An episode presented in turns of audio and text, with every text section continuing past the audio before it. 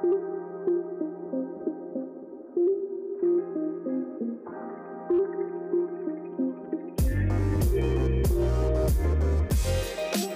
har lenge tenkt på hvordan kan jeg formidle bl.a.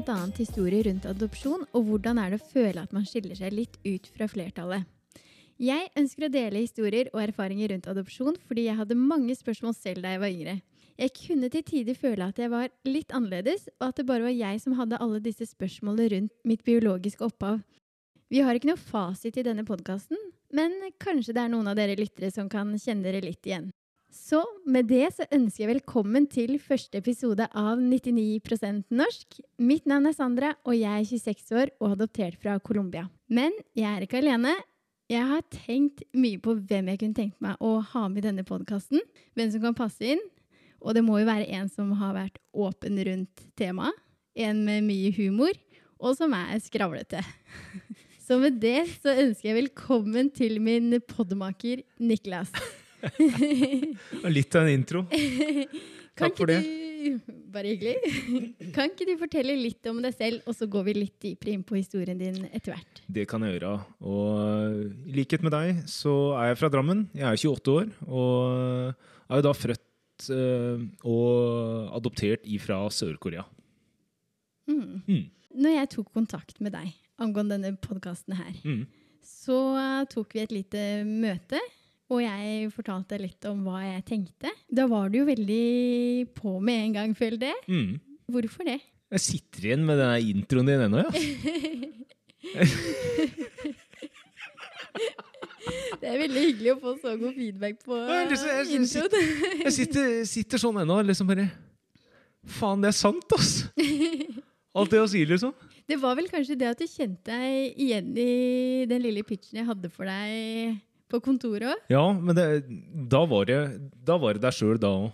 Mm. Og Nei, jeg tror begge vi har vokst opp i to veldig gode miljøer, men det er et tema som ikke er så prata om. Mhm. Om hvordan det er å vokse opp som adoptert i Norge. Og det var litt derfor jeg syns at, um, at det kunne være interessant å delta i en sånn type, sånn type podkast. Ja, og det tenkte jeg å dele hele veien, og personlige erfaringer og følelser rundt det. Mm. Og vi har jo knota litt på veien også. Eh, angående teknisk utstyr, og testa og øvd oss litt. Å, herregud, vi har jo snart en bachelorgrad i Westerdals kunne kommet til, komme til oss og spurt om hvordan vi setter opp et uh, podkaststudio i dag. Det er jeg helt sikker på. Så Men endelig så er vi i gang med si. første episode. helt sykt. Vi har gleda oss. det er jo mange grunner til at man eh, bestemmer seg for å adoptere. Og jeg lurer på hvorfor valgte foreldrene dine adopsjon? Jeg vet ikke hvor jeg starter engang. Sandra. Jeg glemmer jo historien min. vet du. Det er, eh, nei, men um, det er jo som du sier, jeg tror det er mange, mange forskjellige årsaker til at man velger å adoptere. Um, for mine foreldre sin del så var det først og fremst fordi uh, ingen av dem kunne få barn. Mm. Når er det de fant ut av det? Du, de blei jo, de ble jo sammen da min mamma var 15 og min pappa var 20. Ja. Det er også bursdag på samme dag, så det er jo, det er jo akkurat fem år imellom dem. Det er ganske lett å huske på for Det er ganske greit å huske på for en som er dårlig på datoer generelt. Så øh, de var jo allerede sammen Hadde nesten vært sammen i fem år allerede eh, første gang de prøvde å få barn. Mm. Prøvde de noe annet før adopsjon, eller bestemte de seg for det da de fant ut at de ikke kunne få egne barn? I, I utgangspunktet så var jo planen å få egne barn. Så de prøvde jo, prøvde jo flere ganger og over flere år. Eh, fram til de bestemte seg for å sjekke om det var noe som gjorde at de ikke kunne få barn. Og eh, først så sjekka jo da pappa seg, og det viste seg at han ikke kunne få barn. Det gjorde at de begynte å tenke på øh, inseminering. Eh, jeg vet ikke om det heter noe annet, men altså, eller prøverør. da. Mm. Og gjorde det i et års tid. Prøvde sju ganger over et år, og fant jo også ut da at ikke mamma heller kunne få barn. Og da var det egentlig bare ett alternativ, som øh, sto igjen for dem, og det var adopsjon. Ja. Eh, og da var det utenlandsadopsjon gjennom verdensbarn som var, øh, var alternativet. Hvorfor gikk de for akkurat verdensbarn? Du, det, det er et godt spørsmål, egentlig. Det veit jeg faktisk ikke. Vet du hvorfor de valgte akkurat uh, Sør-Korea? Det veit jeg, og det er fordi det var mest tilgjengelig å adoptere fra Sør-Korea for deres del. Var det på bakgrunn av alder, eller uh, utdanning, eller jobb, eller noe sånt? Ja, greia var det at gjennom Verdensbarn på slutten av 80-tallet så krevde de bl.a. at man skulle ha en bachelorgrad eh, hvis man skulle kunne adoptere fra Kina. Så det var ikke aktuelt for noen av de, for de hadde ikke, ingen av dem har en bachelorgrad. De kunne også adoptere fra Russland og Romania. Grunnen til at de ikke gjorde det, var fordi de hadde hørt noen skrekkhistorier om at andre par som hadde gjort det, hadde blitt feilinformert. Eh, de hadde dratt ned og skulle hente barna på barnehjemmet der eh, alderen ikke stemte, og personinformasjon altså jo... Personinformasjon ikke stemte. Den fikk litt skrekken for at det kanskje kunne skje. Du tror du skal hente et spedbarn, og så ender du opp med En to-treåring, på en måte? Ja, det er ganske stor forskjell i sånn i forventninger hva man har kjøpt inn, og hva man har gjort klart. ja, det er eh, De var nok ikke forberedt på, på, på, en, sånn, eh, på en sånn type prosess, da. Eller de ønsket ikke noen overraskelse, da. det, det, er veldig forståelig. Mm. Så derfor ble det Sør-Korea. Da ble det Sør-Korea. Mm. Mm. Vet du hvorfor din biologiske mor eller far måtte, eller tok det valget å adoptere deg bort? Det sto jo i de dokumentene som eh, jeg fikk med da jeg, eh, da jeg kom til Norge. Vet du bakgrunnen deres? Ja, min biologiske mor var ja, type, type sekretær, altså frontdesk-dame, da, ja, i, ja. i uh, selskapet til min biologiske far. Mm. Uh, min biologiske far var 44 år, mens min biologiske mor var 25. Grunnen til at de adopterte meg bort, eller hun valgte å adoptere meg bort, var fordi hun innleda et forhold til denne, denne mannen, som også var gift og som også hadde egen familie, og ble da gravid. Vet du om han var med i den beslutninga der? Det er jeg ganske sikker på at det var han ikke. Og grunnen til det var fordi eh, det er, kommer, kommer, litt av kulturelle årsaker. I Sør-Korea på slutten av 80-tallet og starten av 90-tallet så de, Vår foreldregenerasjon der borte er ganske mye mer konservative enn det vi er her i Norge. De er litt langt etter når det kommer til prevensjon og utdanning. Altså øh, sånne type ting. Så det er veldig skamfullt å prate om dette temaet i Sør-Korea. Som gjorde at øh, da hun fant ut at hun var gravid, så ble ikke det kommunisert til noen andre. Men tror du familien var med på å ta den beslutninga? Altså familien hennes var med på å ta den beslutninga i og med at det var, var såpass Kan man kalle det alvorlig der nede, da? Mm, definitivt. Og jeg har jo også i papirene mine at uh, min, altså min biologiske bestemor var den som leverte meg til barnehjemmet. Det var ikke min biologiske mor. Så man kan jo anta da, at hennes familie har hatt en uh, påvirkning på dette hele, hele veien. Mm. Mm. Har du noen gang ønska å ta kontakt med ditt biologiske opphav? Eller uh, føler du at du ikke har behov for det? aldri hatt et stort ønske om det i utgangspunktet. Jeg har alltid, alltid hatt et ganske distansert forhold til det. Og grunnen til det er jo fordi jeg har hatt en fantastisk fin oppvekst her i, her i Norge. Og øh, vokst opp i landlige omgivelser med, med gode, gode rammer rundt meg. Men da jeg fylte 25, så spurte jeg også moren min om jeg kunne få kopi av den fila. Og den hadde hun liggende et, et, eller annet sted i, eh, nedi, arkivet, nedi arkivet. Godt nedi boden.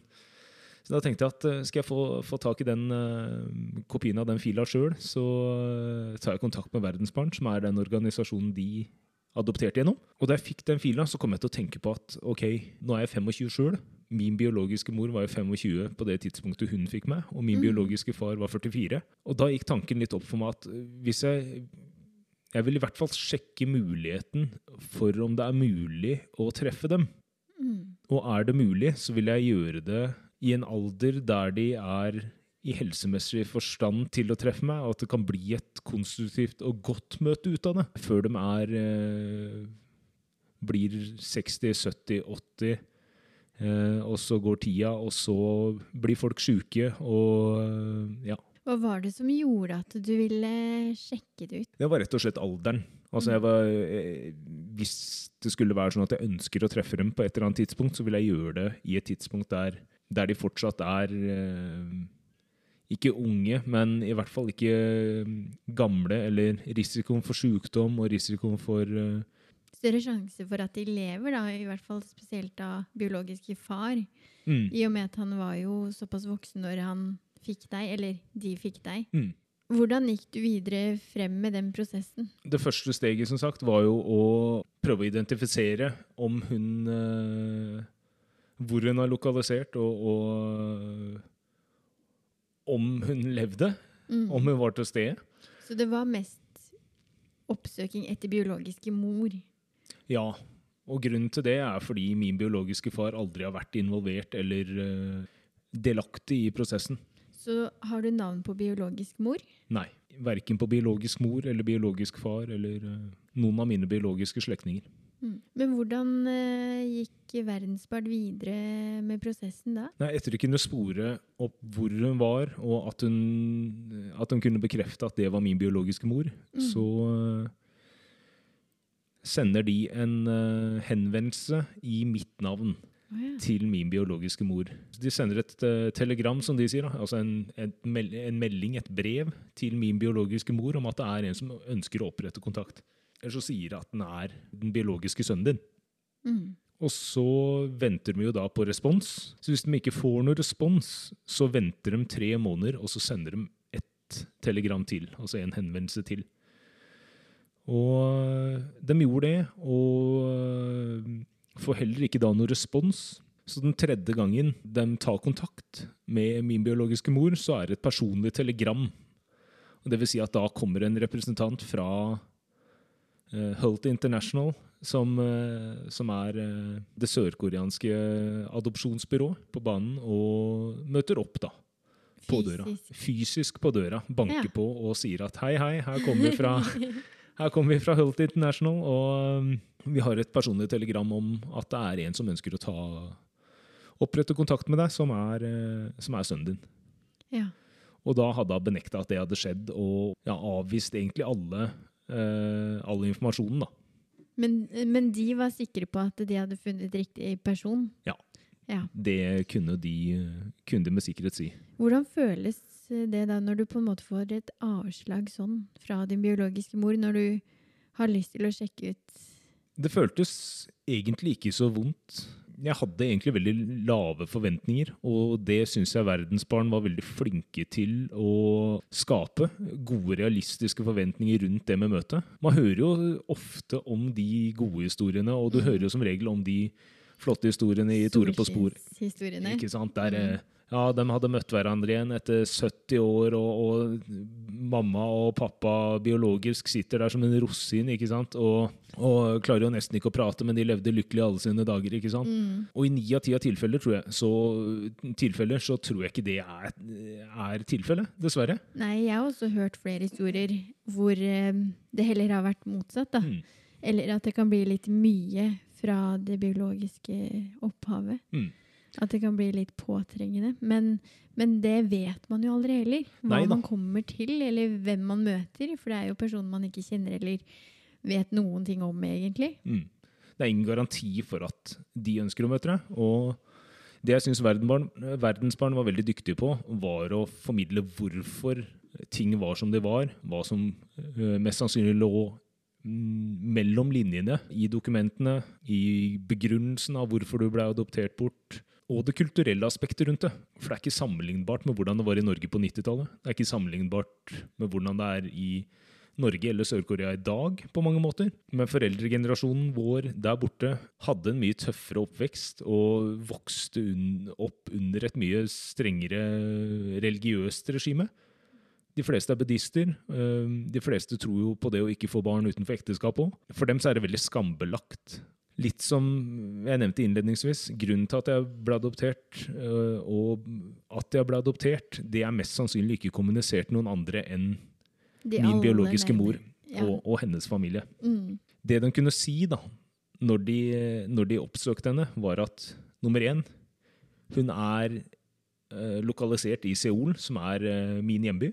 Ja. Også hovedstaden i Sør-Korea, hvor det er sinnssykt mye mennesker. Det er jo imponerende bare å finne. Nummer to, at hun hadde en uh, ektemann. At hun er gift nå. Så kanskje hun da har fått en ny familie? Helt riktig. Mm. Det kan hende jeg har uh, halvsøsken. Det kan Ja. hende jeg har en stefar. Så en stefar har jeg jo, hvis, det, hvis du er Men um, Er det sånne spørsmål du lurer på? Har du halvsøsken, en stefar? Hvordan er familien der nede? Er klart, det, det hadde vært interessant å vite det. Mm. Om jøss, kanskje det er et par, uh, par kids i Sør-Korea som uh, ser ut som meg. Men én ting er sikkert, og det er at de veit ikke noe om at jeg uh, hører til. Eller Mm. at jeg er til. Mm. For hun har mest sannsynlig ikke kommunisert det til den nye biologiske familien. Mm. Men kunne du tenkt deg gravd litt mer i det om hun har eh, fått flere barn? Er det noe man kan finne ut av? Ja, altså det er jo det.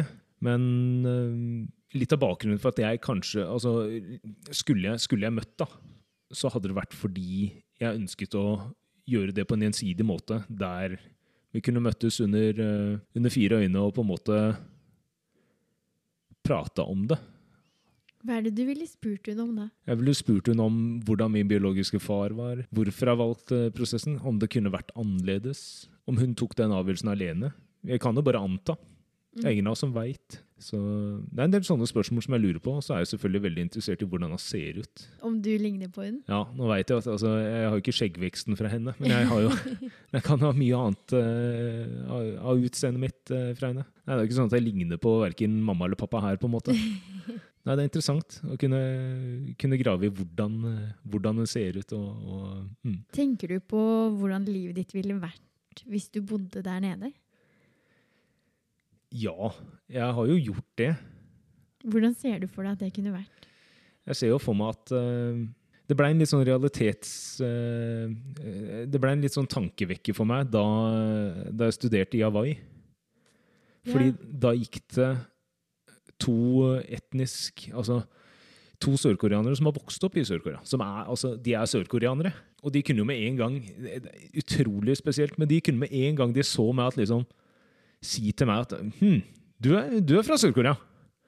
Ja, det, det stemmer det. Ja, men du, du har ikke vokst opp i. Altså sånn, du Hvordan du, du er, liksom? Du har ikke vokst opp i Sør-Korea. Nei, det stemmer også. Ja. Og det kunne de bare se med en gang. Så sprøtt. Og det, det var Det kommenterte noe òg. Men det er jo sikkert hvordan man er. Sånn miljø påvirker en jo veldig. Definitivt. Og så tror jeg også bare, bare klesstil og mote og alt er helt annerledes i Sør-Korea enn det det er. Dem gikk jo med bollesveis, ikke sant? Ja, Det har ikke du. uten, uten, å, uten å prate ned om det eh, for øvrig. Men vi var veldig ulike, da. Også sånn eh, Og så kunne de høre på engelsken min at uh, hm, han prater jo ikke med samme aksent som det vi gjør. Nei. Det ble veldig tydelig for meg da at uh, det er det kanskje som kunne ha vært, da. For de var like gamle som meg. Mm. Så jeg spurte jo de mye om hvordan, hvordan situasjonen var i Sør-Korea. Åssen det var å vokse opp i Sør-Korea. Hva svarte de da? Det er jo ikke å betrakte som et u-land lenger. Det er jo veldig få som lever i Eller de, de sa jo det at på, generelt grunnlag så er arbeiderklassen de lever godt, da. På lik linje som Kanskje ikke på helt lik linje, men de har en enorm eksport av elektronikk. De produserer mye plastikkdeler. De har en ganske høy bruttonasjonalinntekt. Produkt som, eh, som gjør at ja, de lever, lever under en ganske bra standard. Ja. Det er en grunn til at de to òg, som de sa, de tilhørte på ingen måte middelklassen eller øvre middelklasse for å, for å dra til Hawaii for å studere. Jeg det tror er jo litt litt godt å høre det òg, da. Absolutt, altså. Og det, det at den på en måte har hatt muligheter, da. Det mest sannsynlig hadde vært tilfellet hvis jeg også hadde vokst opp der. Mm. Jeg tenker litt um, tilbake til eh, din biologiske mor. Og så lurer jeg på hvordan Eller om hun kan kontakte deg nå? Om den søknaden på en måte står litt åpen, hvis du skjønner? Mm. Det er et godt spørsmål. Hun veit jo at jeg har prøvd å ta kontakt med henne. Ja.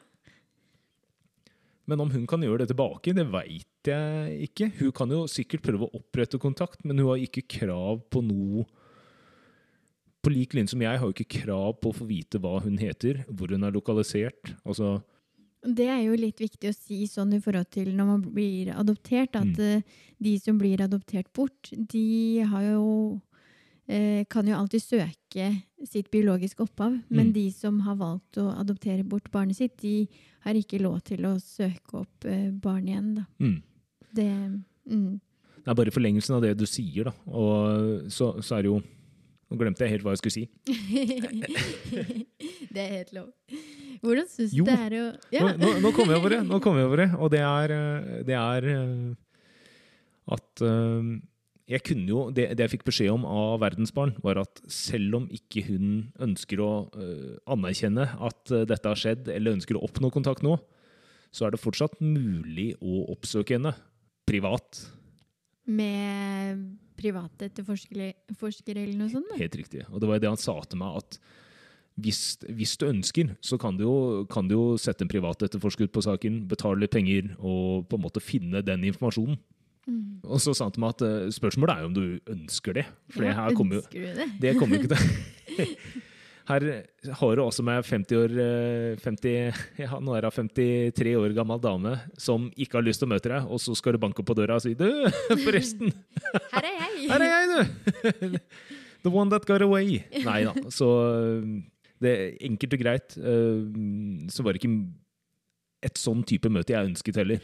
Jeg ønsket jo at det skulle være et gjensidig møte. Og hvis ikke det er mulig, så skal ikke jeg være en konsekvens eller, øh, eller grunnen til at ting skjærer seg. Da. Om det her kan øh, ha konsekvenser for uøkonomisk, økonomisk, familiært, ja, sosialt. Tror du det er noe du vil prøve på senere, å opprette kontakt igjen? Sånn, jeg tenker hvis man får barn selv, eller hvis man får et eh, type familieliv selv, og at man tenker mer på det, og da igjen vil prøve? Kanskje. Nå er jeg ganske langt unna å få barn sjøl. Da må det jo må jo to stykker til for å lage et barn, så uh, Men uh, det er på en måte ikke meg det står på heller, da, for at, uh, for at vi skulle kunne gjen få gjennomført et møte. Så Hvis hun hadde ønska, så hadde du vært med på det? Da hadde jeg vært mer i ta- tankeboksen. Hadde hun, hadde hun sagt ja Mhm. til at uh, vi kunne opprette kontakt, da hadde jeg kanskje fått litt kalde føtter. For, for hva, er det jeg, hva er det jeg faktisk åpner døra for nå? Det er ikke så godt å si. Det er tross alt et vilt fremmed menneske for meg som uh, er i andre siden av røret. Mm. Ja, man vet jo aldri hva man møter, sånn som vi sa tidligere òg.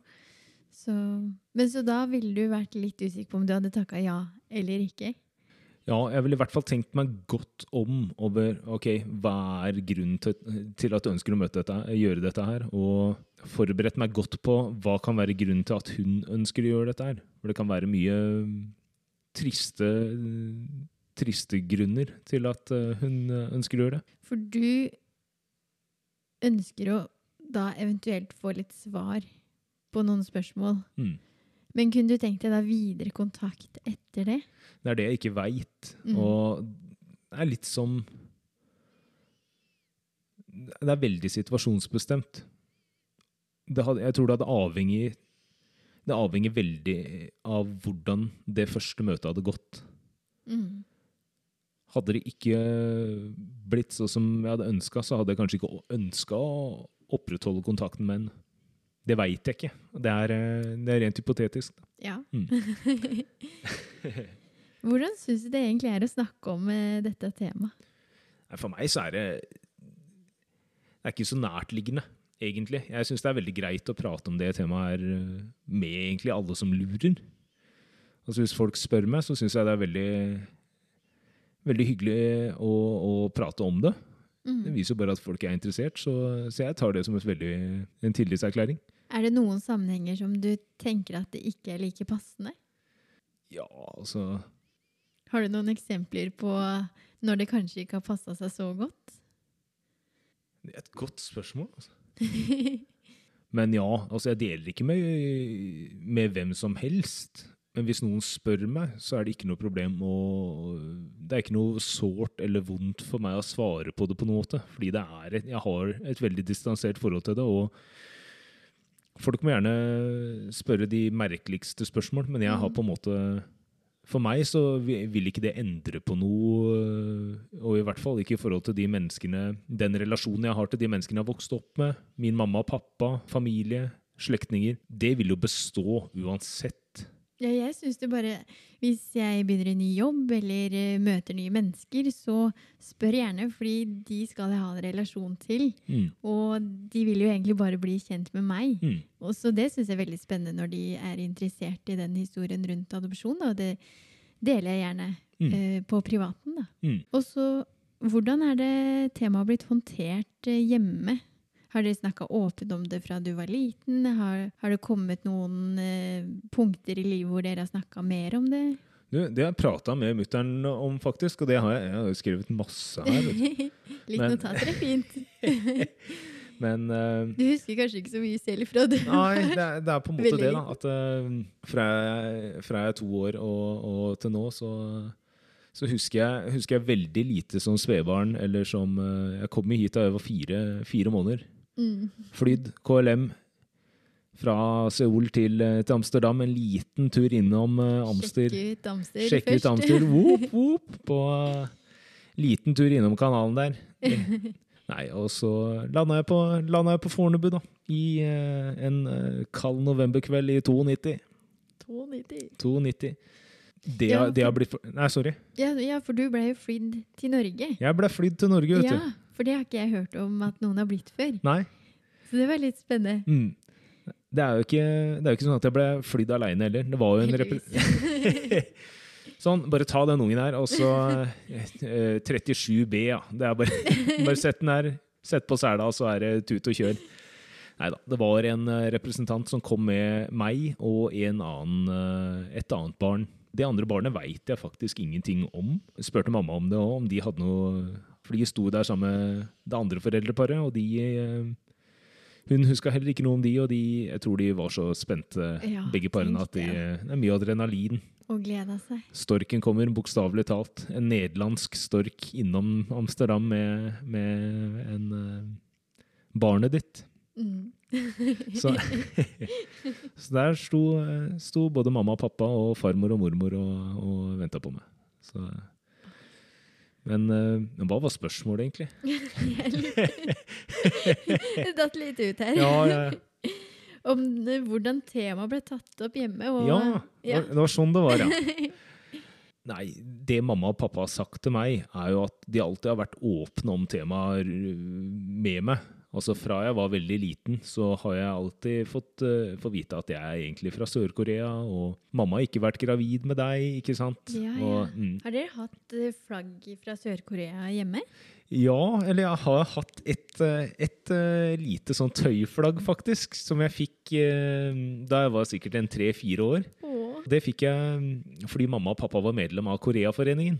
Ja, Og der, var der ble de invitert på juletrefester og sånn. eh, sånn hadde vi jo. Colombia og treff Ja, ja, ja. til jul. Så der var det masse, masse norske par som hadde adoptert fra Sør-Korea. da. Vi var der eh, de første åra av livet mitt da, på juletrefest. Og eh, da fikk jeg, fikk jeg et sånt tøy,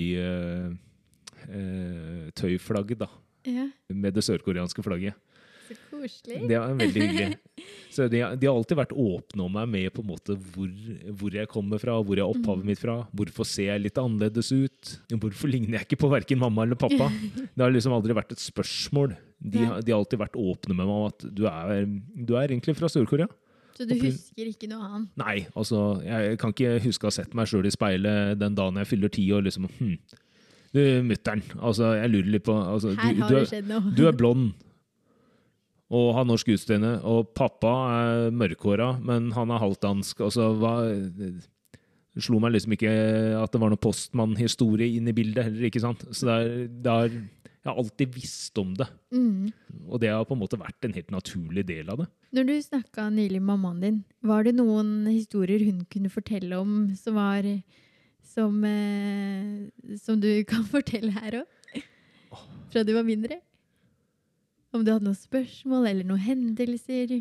Ikke så mye knytta til adopsjon, tror jeg. Eller hvor jeg var fra, eller opphavet mitt. Det er vel, altså, For meg så har jeg, jeg, jeg vokst opp i en uh, norsk familie med norsk og dansk og svensk uh, opphav. Og svenske og norske og danske slektninger rundt meg. Og uh, det har aldri vært et spørsmål om hvorfor jeg er, ser ut sånn som jeg gjør, da, på en måte. Har, altså, for meg så har jeg hatt en helt vanlig oppvekst med, mm. med de utfordringene og de, de, problemene det byr på som barn uansett, tror jeg. Ja, da. I enhver familie. Mm. Men hvordan forhold har du da til fødelandet ditt i dag? Det òg er eh, et ganske distansert forhold, egentlig. Dessverre. Jeg skulle ønske jeg hadde litt mer interesse og litt mer eh, motivasjon til å eh, sette meg litt mer inn i hvordan situasjonen er der. Jeg var veldig interessert på et tidspunkt da jeg prata med de to sørkoreanerne i, mens jeg studerte i USA. Hvor gammel var du da? Da var jeg, Det var i 2016, så det er fem år siden. 23 var jeg. 23-24. Ja, Litt hoderegning der. ja, ja. Så, men på en måte, det er, det er, mange andre kulturer jeg heller, eller ikke heller, men jeg også ønsker å oppsøke, da, og som jeg syns er interessante. Altså, jeg har det samme forholdet til Sør-Korea som det jeg har til en annen feriedestinasjon. på en måte. Mm. Bare at uh, det sitter jo litt lenger inne å, å reise dit. Kunne du tenkt deg å reise dit? Jeg kunne veldig gjerne tenkt meg å reise dit, men mm. det ville blitt som en ferietur. Ja. Det ville blitt sånn, uh, som en opplevelsestur. Ville du dratt da til Seoul? Ja. Jeg, vil, jeg, jeg, har hørt veldig mye bra om Seoul. Av de jeg har snakka med som har vært der. Ville du oppsøkt barnehjemmet bare for å se hvordan det var der? Jeg ville nok gjort det til en del av turen da. Mm. Når jeg først er der, så ville jeg, vil jeg på en måte oppsøkt det jeg kan, da. Tror du at det kunne vekke noen følelser rundt adopsjonen din, og at du kanskje da ville prøvd å ta kontakt med ditt biologiske opphav på nytt? Eller har du lagt den helt fra deg? Jeg skal ikke si at jeg har lagt den helt død, for det har jeg ikke. Jeg er usikker på om det kunne hatt noe som helst innvirkning på om jeg hadde ønska å ta opp igjen tråden. Men jeg hadde, jeg hadde, nok definitivt gjort det. Mm. For, å, for, å, ha opplevd det, for å se hvordan det var. og om det er noe, altså opplevd kulturen og landet. Mm. Ja. Det er kanskje det jeg er mest interessert i. Menneskene og, og ja. Mm. Jeg tenker litt på hvordan det at du er adoptert, har påvirka selvbildet ditt. Jeg tror nok eh, Indirekte så tror jeg det har påvirka selvbildet mitt fordi jeg ser annerledes ut enn majoriteten av mine venner og, og majoriteten av befolkninga her i Norge. Mm. Selv om jeg møter veldig mye forståelse og veldig lite fordommer rundt hvordan jeg ser ut, så tror jeg på en måte det har påvirka identiteten min. Ja. At jeg, For meg sjøl så føler jeg at jeg er en del av majoriteten.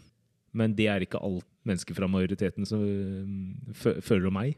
Mm. Har du noen ganger fått noen skjellsord etter deg? Ja, jeg har jo det. Altså, jeg har jo opplevd å få drittkommentarer slengt eh, om, om, hudfarge eller øyn, øyenstørrelse eller Det vi er i 2021. Ja, det her var jo mest i barndommen, da. Det skal jo sies. Okay. Jeg har ikke, jeg har ikke det var ikke noe bedre da, da. Nei da. Det er jo kanskje litt mer forståelig at uh, kids ikke forstår helt konsekvensen av hvor, hvordan det påvirker noen å, å si disse, altså, å komme med sånne kommentarer. Hva følte du da når andre barn sa de tingene til deg? Nei, det var jo det var sårende, da, som alt annet. Mm. Eh, alle, alle, negative kommentarer. Og da så var det nok eh, Det var nok sårere som barn fordi du ønsker å passe inn. Du ønsker å være en del av alle. Du ønsker å være som alle alle. Du mm. ønsker ikke å stikke deg ut, i hvert fall ikke på, noen, på en negativ måte. Samtidig da, så tror jeg at det, eh, det spilte jo litt til min fordel òg å være en som ser ut som en minoritet, og som på mange måter tilhører en minoritet òg, basert på utseendet. For det ble jo også lagt merke til i positiv forstand. Ja, ikke sant? Så du stikker deg ut uansett om det er negativt eller positivt. Måten du stikker deg ut på det, Folk tar jo ikke hensyn til om det er positivt eller negativt. Det er jo bare sånn det er. Du stikker deg ut fordi du ser ut sånn som du gjør. da. Mm. Hvordan har det påvirka deg i voksen alder? Det, det å stikke seg ut. Mm. Jeg tror nok at mange opplever at jeg tilhører mangfoldet. Altså Jeg føler jo sjøl òg at jeg tilhører et mangfold, selv om jeg har vokst opp i Norge. Jeg har vokst opp med norske foreldre, jeg har vokst opp med norsk familie og norsk slekt. Allikevel så tror jeg på en måte jeg tilhører en del av mangfoldet når jeg er sammen med noen. At det er en sammensatt gjeng, eh, eller når jeg er i en gruppe, at jeg er den som stikker meg ut, som du sier. da. Altså, Verken positivt eller negativt. Jeg bare stikker meg ut fordi jeg ser ut som jeg gjør. Jeg skiller meg ut fordi jeg ser ut som jeg gjør. da. Det tror jeg. Hvordan, hvordan føles det å være den som stikker seg ut fra mangfoldet? Når jeg stikker meg ut positivt, så er det jo digg. Når jeg stikker meg ut negativt, så, så sitter kanskje det litt dypere. Folk husker det lettere.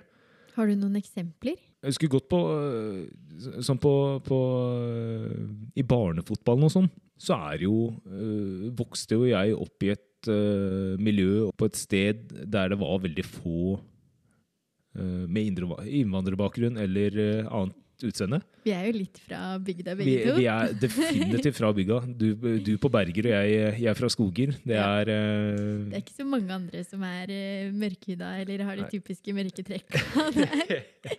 Når vi var mindre. Drammen er jo ikke den største byen, og vi er i utkanten av Drammen. Ja. Så, så det er klart Det var ikke Det var ikke veldig mange med annen kulturell opprinnelse, da. Nei. Eh, Så da vi spilte fotball, så både på godt og vondt igjen, så skilte nok jeg meg ut hvis, eh, hvis vi hadde spilt mot et lag tidligere og jeg hadde gjort en bra kamp. Så kunne vi jo høre kommentarer på han. Ja, han, der, han med det mørke håret, eller han med det lange håret, eller korte ikke sant? Altså, Du kunne vite hvem det prata om, basert Mm. på ikke sant? de fysiske kjennetegnene dine. Ja. Han må vi passe litt ekstra på i dag. ikke sant? Hadde jeg gjort en ræva kamp, så prater de ikke om meg i det hele tatt. ikke sant? Så, så jeg, tror man, jeg tror man stikker seg ut på både positivt og negativt, og det er en konsekvens av det. det har ikke, og det har ikke vært noe bør å bære det for min egen del. Det har det ikke. Har du noen gang fått eh, kommentarer på fotballbanen? Rundt utseendet Å ja. Og eh, Hva er det de sier da? Nei, det, altså, det kan være i kampens hete, og jeg skal ikke gå inn på, inn på alt det der. eh, alt det jeg har hørt, og alt det jeg har sagt sjøl heller. For det er, ikke, det er ikke alt politisk korrekt. Nei, på fotballbanen, så, så eh, og kanskje spesielt i disse tider òg, hvor det har vært så mye fokus på, på akkurat det med rasisme, at eh, fotball er for alle, så, så bør jo ja, terskelen bør være høyere for å si fra om, eh, om sånne ting. For det er jo ikke greit. Men jeg veit at fra min egen side så er det ikke vondt ment. Det er i kampens hete. Det er i kampens hete. Og Ja. jeg, jeg har jo ikke, har ikke slengt fra meg noe rasistisk. Og det, det veit jeg at når, altså i kampens hete så det er ikke det at terskelen skal være veldig mye høyere, men jeg har full forståelse for at i kampens hete så kan sånne ting glippe utenom at det ligger noe mer i det. da. Mm. Det, det har jeg virkelig forståelse for. De mener det ikke på den måten, men eh, man blir kanskje litt uh, Det, man, Frustrert man mister og- huet, ja. og det gjør det ikke noe mer riktig, men jeg har forståelse for at det kan skje. mm. Det har jeg. Men er det noen ganger du kunne tenkt deg at du så litt annerledes ut? At du så eh, Hva skal jeg si Mer eh, typisk nordisk ut? Har du følt noe på det? Altså, jeg har alltid tenkt på hvordan er det jeg ville sett ut hvis jeg hadde vært biologisk. Altså, Hvis jeg hadde vært mamma og pappas biologiske barn. Det hadde sikkert vært lavere enn det jeg er nå, for de er jo så, de er jo så kortvokste begge to at selv, om, eh, selv om koreanere generelt er lavere, da. Eh, Men eh, Nei, det eneste jeg, eneste jeg liksom kunne tenkt meg hadde vært interessant, er jo å se hvordan jeg hadde vært hvis jeg hadde vært mamma og pappas biologiske barn. Ja, Hvordan ville det vært å ikke være adoptert? Ja, eller hvordan hadde det vært å vokse opp som et hvitt norsk barn? da? Men øh, aldri vært, vært usikker på verken hvor jeg er fra, eller, eller øh, hvorfor jeg ser ut sånn som jeg gjør. Og jeg alltid, i positiv forstand nå, fått kommentarer på at øh, herregud, du trenger jo ikke Du blir jo så brun om, øh, brun om sommeren, Niklas. Og bla, Jeg er så misunnelig på det, faktisk. er det noen trekk du tror er fra ditt biologiske opphav? Ikke annet enn de negative pollenallergi. De øh, genetiske pollenallergi. Jeg tror jo Altså, stemmen er jo Stemmen kommer jo fra et sted. Mm. det er jo, det er jo biologisk anlagt. Altså hvordan stemmen min høres ut når jeg prater. Du har en veldig god sangstemme, Niklas. Nå smigrer du her. Men jeg liker jo, liker musikk, og jeg synger jo mye. Og mm. lager, lager og spiller musikk. Så det er klart det det har vært interessant å høre hvordan mine biologiske foreldre høres ut òg. Og det er ikke knytta til om de synger eller ikke, men bare om det er noen som helst likhetstrekk mellom min stemme og deres. eh, Øyenfarge, hår altså Det er best knytta til hvordan jeg ser ut, og, og de tingene som man ikke kan endre på. ja, ikke sant? Mm. Fordi miljøet, som jeg sa tidligere, påvirker veldig mye. Så hva tror du da er fra din mamma og pappa? Miljømessig. er det noe du tenker sånn Å, det der irriterte jeg meg over da jeg var liten, og så har man tatt det til seg sjøl? For det merker jeg. Jeg tror eh, en ting er nok medfødt, og det er nok energinivået mitt. Det er som mutter'n sa. Altså, jeg eh, jeg blei utreda av PP-tjenesten da jeg var, eh, da jeg var eh, liten. Mm. Enorme konsentrasjonsvansker. Jeg kunne jo sitte i ett rom i barnehagen og holde på med mitt, eller bygge Lego, eller whatever. da. Og så kunne en av de andre barna sitte i helt andre enden av rommet og prate med en av barnehagetantene. Og hvis hun spurte han om noe, så kunne jeg svare på det da, i helt andre enden av rommet. ikke sant? Og samme var regla hos eh, tanta mi, som jeg gikk til barne... Altså eh, da, dagmamma hos. Ja. Hvis mamma kom på besøk eh, etter arbeidstid og liksom tok en kaffe da med tanta mi, Mm. så kunne de sitte og prate, og så kunne jeg huske helt i andre enden av hagen og svare på det tanta mi spurte mamma om. ikke sant? Og tante hadde jo blitt så, eh, blitt så sjukt vant til det, så hun bare Nei, men det er jo sånn Niklas er, det. Så hun bare, ja, ja, han får bare holde på sånn som han gjør. Hvis han svarer deg, så er det helt vanlig. Så det er ikke Så det er energinivå, det veit jeg ikke hvor jeg har fra. Det kan nok være eh, medfødt. Er det ett et trekk som, som jeg har fått mye kommentarer på av folk som kjente pappa, Ja. så er det det at jeg er et ja-menneske. Jeg stiller opp, og jeg eh, prøver å være blid og, og være på tilbudssida til enhver tid. Det var kjennetegn som pappa også hadde, og folk som eh, kjente pappa også fra barndommen og fra hans tid eh, opp gjennom ungdommen og, og i voksen alder, kjente pappa på den måten. Og det er nok noe jeg har tatt med meg. Samme med mamma. De trekkene bare med å være høflig, hilse. Hun var veldig tydelig med meg da jeg var yngre på at det er viktig å håndhilse og hilse ordentlig og smile og øh, være hyggelig. Så du har mye fra dem. De, definitivt. Hva veier tyngst arv og miljø? Uten, uten tvil miljø. Ja, jeg tror også det. Uten og tvil. det, det er det jo også litt forska på, at miljø har ekstremt mye å si Ja. på hvordan man utvikler seg som menneske. Mm. Og det, det har jeg også tenkt mye over, at det, plutselig hadde jeg havna i Frankrike, eller om jeg hadde blitt i Colombia, så hadde ikke jeg vært den personen jeg er i dag på samme måte. Nei, nei, nei. nei. Det tror jeg du har helt rett i. Mm. Hvordan tror du eh, adopsjonen kan påvirke fremtiden din? Eventuelt familieliv, hva man tenker rundt det? For min egen del så er jo, øh, siden det har vært en så integrert del av min historie, så har jeg et veldig veldig normalisert forhold til det å adoptere. Om det er innenlands eller utenlands, eller bare det at det har ikke noe å si, litt i forhold til det temaet vi var inne på, da, om arv og miljø. Mm. Jeg tror 99,9% av den personen du er i dag, dreier seg om arv. Nei, om miljø! Om miljø! Totalt spot uh, stikk motsatt. Nei, altså, jeg tror måten du blir forma på, og 99% av grunnen til at du er sånn som du er i dag, er av miljøet. Mm. Så da har det ikke noe å si om eh, du får et barn fra Afrika, et barn fra Asia, eller et barn fra Sør-Amerika, Nord-Amerika, et barn fra eh, Indre Troms. Det har ikke noe å si så lenge man kommer til et godt hjem. Mm. Og det har vi begge gjort. Det har vi begge gjort. Jeg tenker jo ofte på, eh, på det at ting kunne vært veldig mye dårligere òg Mm. i Sør-Korea hvis jeg ikke hadde blitt adoptert. Det er ikke noe garanti for. Så jeg er jo, jeg er jo sjeleglad og utrolig takknemlig for at, at jeg har blitt adoptert. Og at jeg har kommet til en så flott familie og vokst opp med så mye gode venner uh, som jeg har kontakt med i dag. En så stor familie og slektning. Mm. Slektninger. Er, Ja. er adopsjon et alternativ for deg uansett, hvis du kunne tenkt deg barn? Selv om du kunne fått dine egne òg?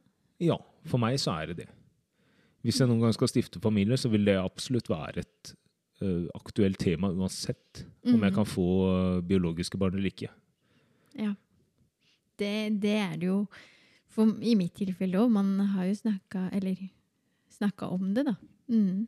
Og så har jo vi fått litt spørsmål på Instagram. Ok. Ja, så jeg tenkte at vi skulle ta opp noen av spørsmålene. For vi har jo vært uh, innom en del av temaene som, eh, som de spør om her. Mm. Men det er blant annet Anbefaler dere andre å adoptere? Ja, jeg uh, Hvis du spør meg, så Ja, jeg spør deg. Jeg ville absolutt anbefalt uh, alle å adoptere. Og, men jeg ville anbefalt alle å sette seg godt inn i uh, hvordan det er. For det, er en, det kan være en sinnssykt tidkrevende prosess. Min, biolog, nei, min mor og min far sto jo på venteliste i over fire år. Eh, Mm. Nesten fire år før de, før de fikk beskjed om at eh, de kunne hente meg. Ja, eh, mine venta tre, Mm. cirka. Og så er det ikke Statistikken viser jo det at det er ikke, det er ikke like mange utenlandsadopsjoner nå som det det var da vi kom på 90-tallet. Så ventelista er nok lenger i dag, vil jeg tro, for å, for å adoptere fra utlandet. Ja, det har jeg Jeg har hørt noe om det, Mm. uten at jeg skal si noe 100% på alle land. Men, men jeg har hørt også at uh, ventetiden kan være lenger, da. Mm. Men ja, altså adopsjon Jeg syns det er en helt fantastisk ting. Og jeg er så glad for å ha blitt adoptert. Mm. Altså jeg kunne ikke bedt om noe bedre. Mamma og pappa er helt fantastiske, og en storebror som er helt super. Så ja. Mm. Jeg tenker at uh, Tenk dere godt igjennom, ja. Og så være åpne. Mm. Mm. Skal vi se Og da har vi også fått uh, Må bare kikke litt her. Ja. Hvordan reagerer dere hvis folk spør hvilke land kommer dere fra? En ukjent. Mm. For meg så er det Det er litt som jeg var inne på i stad òg. For meg så er det ikke noe sånn voldsomt nært å si at jeg er fra Sør-Korea. Hvis det er det han sikter til, på en måte. Spørsmålet er jo egentlig altså Man hører fort liksom på intensjonen til den andre personen om Mm. hva, hva er det du faktisk prøver å Hva er det du ønsker å fiske ut av det. Ja, det er For sant. um, det er ikke noe problem for meg å si at jeg er fra Sør-Korea. Eller at det er der jeg er født, eller er det derfor jeg ser ut som jeg gjør. Mm. Har det noe å si? Eller hvorfor lurer du på det? Ja, man merker fort på den andre personen. Om, om intensjonen er god, eller om han ikke er god, på en Ja. måte. Heldigvis har jeg hatt mest, eh, eller for så vidt gode opplevelser rundt det, at folk spør. Og jeg syns det er veldig fint hvis det er folk jeg skal bli kjent med, da. Mm. At de tør å spørre. Det syns jeg er tøft. Mm. Ja, for det er nok mer. Altså, jeg tror de fleste føler at det er mer ukomfortabelt å spørre enn det er for oss å prate om det. Vi har jo på en måte vokst opp i det. Mm. Men jeg syns også det er et godt tegn at folk faktisk tør å spørre. At de ikke bare dømmer oss utenom å, utenom å faktisk prøve å sette seg inn i hvem vi er, da. Eller de Mm. gjør det bare av ren nysgjerrighet. De aller, aller fleste gjør det i god intensjon. Da. Ja, det, det er det jeg også har følt. Mm. De, mange av de andre spørsmålene vi har fått inn, som vi er veldig takknemlige for, de har vi egentlig besvart litt også gjennom podkasten. Så jeg tenker da å bare si tusen takk, Niklas, for at du har delt eh, denne fine historien din. I like måte. Og setter veldig pris på at du er med meg i denne podkasten. Gleder meg til fortsettelsen. Mm, det blir spennende. Og hvis det er noe, så bare kontakt oss på Instagram. Og send oss gjerne spørsmål, så skal vi prøve å svare så godt vi kan ut ifra våre erfaringer. Mm. Ja. Thank you.